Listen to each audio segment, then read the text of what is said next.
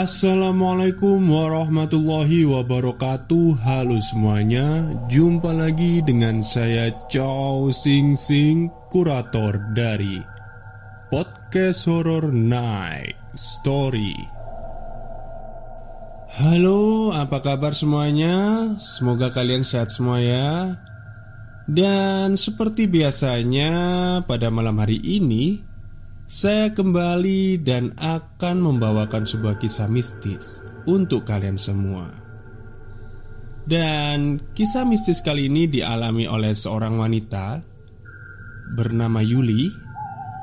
Jadi, Mbak Yuli ini mengalami kejadian yang tidak masuk akal sewaktu menginap di salah satu villa yang ada di Bogor. Seperti apa kisahnya? Mari kita simak. Assalamualaikum warahmatullahi wabarakatuh. Halo Mr. Chow Sing Sing.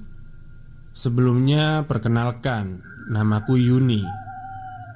Dalam cerita ini semua nama diganti selain saya.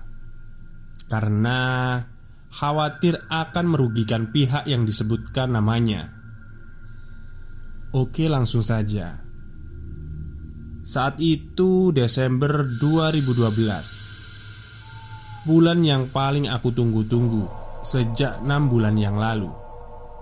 Karena Aku akan libur semester. Saat itu aku les di suatu tempat kursus Yang ada di daerah dekat rumahku. Malam hari setelah selesai pembelajaran Kak Puput guru lesku mengumumkan Kalau akan diadakan tur ke puncak dalam rangka refreshing. Karena sepanjang tahun kita sudah lelah belajar. Tapi saya lupa nama daerahnya seperti apa. Seingat saya sih di puncak Bogor. Singkat cerita, beberapa hari kemudian saya dan teman-teman lain berkumpul di titik kumpul pemberangkatan yang sudah diatur oleh panitia acara. Setelah peserta sudah komplit, kami pun langsung menuju puncak Beriringan dua bus Dan beberapa mobil pribadi Karena memang pesertanya banyak sekali. Sesampainya di tempat tujuan Aku dibuat kagum Dengan villa tempat kita menginap di mana villa tersebut sangatlah luas dan megah terdiri dari tiga bangunan dan yang pastinya ada kolam renang. Satu rumah yang paling besar diperuntukkan untuk para orang tua murid dan keluarga pemilik kursus. Dan satu rumah lagi yang bertingkat bak istana kecil diperuntukkan untuk kamar anak laki-laki.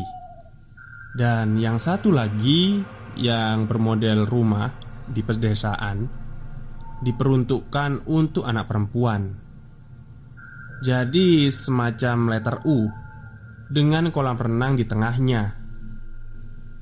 Oh iya, di sisi kiri dan belakang villa kami ada hutan. Di sisi kanan kami ada jalan yang tidak besar dan bersebelahan dengan jurang. Lalu di depannya ada rumah warga yang mungkin dijadikan villa juga karena terlihat tampak sepi. Saat sampai di villa, kami dikumpulkan di sebuah aula untuk dibentuk tim dan pembagian kamar. Aku kebagian tim mawar yang beranggotakan tujuh orang, di mana saat itu aku yang paling tua. By the way, umurku 12 tahun saat itu. Dan yang termuda di timku itu umurnya 6 tahun. Jadi, aku harus bertanggung jawab atas adik-adik lucu ini Karena aku yang paling tua. Hari pertama kami melakukan serangkaian acara dengan senang dan ceria. Dan tidak ada hal yang aneh Bahkan mengganjal setelah sholat isya pada malam hari, kami pun diperintahkan untuk masuk ke kamar kami masing-masing. Hari kedua, aku terbangun lebih awal daripada anggota timku yang lain, dan aku membuka sedikit gordenku dengan tujuan mau melihat keadaan di luar. Entah kenapa pagi itu sudah banyak sekali pedagang yang menggelar dagangannya di taman dekat kolam renang. Entah pedagang ini mendapatkan informasi dari mana. Kalau di villa ini banyak pengunjungnya. Lalu aku bergegas mandi dan membangunkan anggota timku yang lain. Dan kami pun melanjutkan acara yang sudah disusun. Jam 12 siang acara kami selesai Dan kami diberi waktu untuk bebas melakukan apa pun sampai jam 4 sore. Sebenarnya ini refreshing, rekreasi apa diklat sih? Kok kayaknya apa ya? Gak bebas gitu ya jamnya ya. Oke lanjut. Karena diadakan acara kembali di sela waktu itu, aku manfaatkan untuk berenang bersama teman-teman yang lain. Jam 2 siang aku menyudahi renangku Dan memutuskan untuk bilasan. Lalu kembali lagi ke kamar. Namun Ada satu pedagang aksesoris Yang tepat berada di depan kamarku. Dia terlihat terus memandangi kamarku Memandangi siapa pun yang keluar masuk dari kamarku. Entah apa tujuannya sehingga aku sedikit takut waktu itu. Tapi aku tidak berani memberitahukannya kepada anggota timku. Karena aku sendiri khawatir mereka ketakutan. Secara mereka kan masih kecil. Setelah aku selesai bilasan Aku masuk ke kamar Lewat pintu belakang. Ya mungkin kakiku masih basah Dan lupa aku lap Akhirnya aku terpeleset di dalam kamar. Dan kepalaku terbentur ubin cukup keras. Akhirnya aku pun tak sadarkan diri. Saat tersadar dari pingsan Aku langsung meraih HP Ya gini ya anak-anak sekarang itu ya. Bangun tidur Langsung lihat HP Bangun pingsan pun sama. Saat itu pukul 5 sore Aku melihat di sekitar dan tidak ada orang di kamarku kecuali aku. Tidak lama kemudian, Dian, temanku, masuk ke kamar dan berkata, "Kak Yuni udah bangun. Itu di meja ada nasi buat kakak. Tadi dibawain Kak Puput." Aku pun tersenyum dan mengangguk, lalu melahap nasi dengan lauk pauk sayur asem dan ayam goreng tersebut. Singkat cerita, aku sudah kembali fit dan adzan maghrib terdengar berkumandang.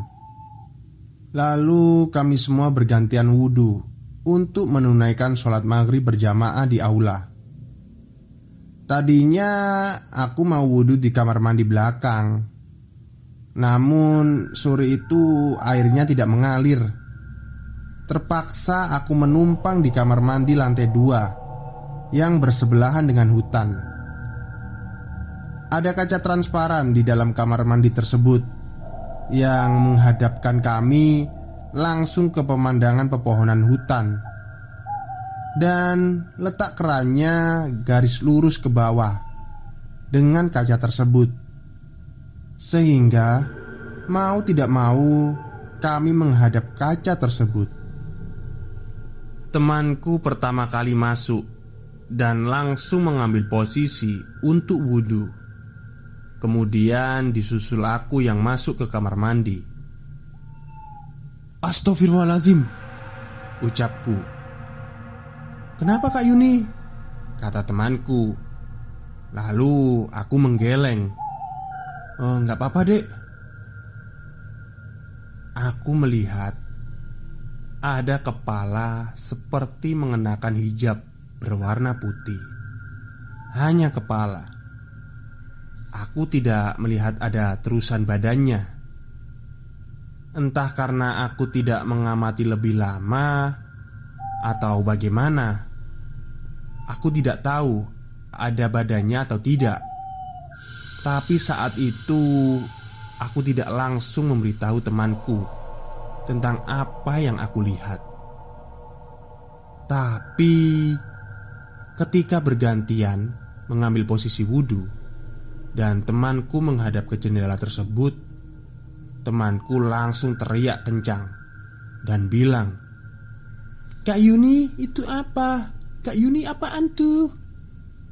Lalu kataku, "Aku nggak tahu, tapi tadi aku udah lihat." Dan kami memutuskan untuk lari keluar bersama sambil berteriak. Teriakan kami membuat satu villa heboh dan kakak pembina langsung menghampiri kami dan bertanya, "Ada apa, adik-adik?" "Itu kak ada kepala," kataku. "Kayak pocong, kak, tapi nggak ada badannya." Imbuh temanku. Ya mungkin aja ya itu pocong jenis baru. Jadi kepalanya itu kepala portable Jadi bisa copot bisa dipasang. Nggak lucu ya? Oke lanjut. Lalu kakak pembina tadi langsung melihat ke dalam kamar mandi. Dan kalian tahu apa yang dibilang kakak pembina kami setelah keluar dari kamar mandi? Gak ada apa-apa kok. Tadinya kakak itu tidak percaya dengan kami.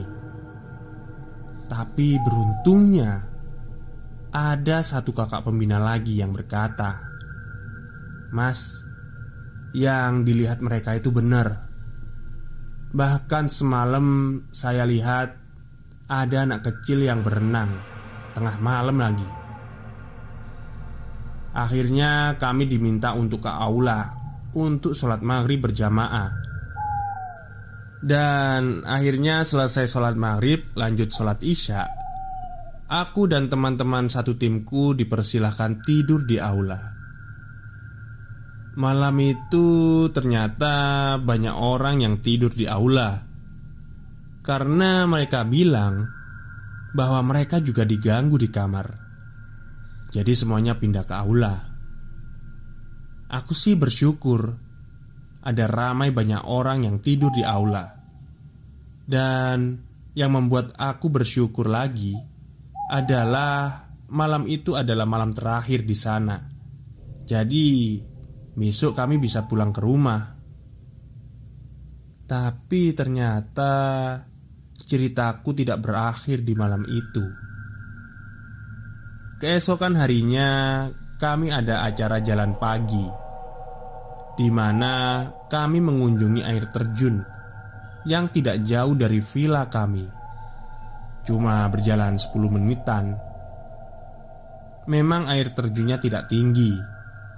Di sana banyak sekali bebatuan besar dan airnya mengalir ke sungai ke tempat aku berdiri sekarang. Aku mengeluarkan HP-ku. Saat itu HP-ku masih merek Mito. Niat hati ingin mengabadikan momen hari itu di sungai. Tapi ketika aku menghidupkan mode video, terekam di kameraku ada dua anak kecil sedang bermain air di bebatuan paling ujung. Aku pun berpikir, Kenapa ada anak di situ? Kok nggak ada yang menegur atau memarahi? Karena kan mereka terlalu jauh dari rombongan. Belum sempat aku mengabadikan anak tersebut. Ketika aku mengalihkan pandanganku untuk melihat secara langsung, anak itu tidak ada. Tapi ketika aku kembali melihat melalui HP-ku, anak itu ada lagi. Aku takut dan langsung kumatikan HP-ku. Mungkin waktu itu itu ya mbak ya HP-nya itu apa itu keinstal aplikasi pemburu hantu gitu ya Kan ada itu ya kamera pemburu hantu Mungkin lupa dimatikan Kejadian ini tidak diketahui rombonganku. Bahkan kakak pembinaku tidak tahu Karena aku enggan menceritakannya. Tidak lama setelahnya Kami dipanggil kakak pembina Untuk segera kembali ke villa dan berkemas Karena bis sudah menunggu kami. Sekian cerita dari saya Semoga bisa diambil pelajarannya. Pesan saya di mana pun kita berada Mereka ini selalu ada. Jangan pernah takut karena bagaimanapun Derajat kita lebih tinggi. Serahkan semua urusan kepada Allah Subhanahu wa Ta'ala, dan minta supaya kita selalu dilindungi dari hal-hal yang tidak diinginkan. Terima kasih Mas Chow Sing Sing. Wassalamualaikum warahmatullahi wabarakatuh. Oke, terima kasih kepada semuanya yang sudah mendengarkan pada malam hari ini. Dan mohon maaf ya, saya agak banyak komentar ya di ceritanya. Karena saya, mulut saya sedikit gatel gitu. Oke, mungkin itu saja yang bisa saya sampaikan pada malam hari ini ya. Semoga kalian semua terhibur. Selamat malam dan selamat beristirahat.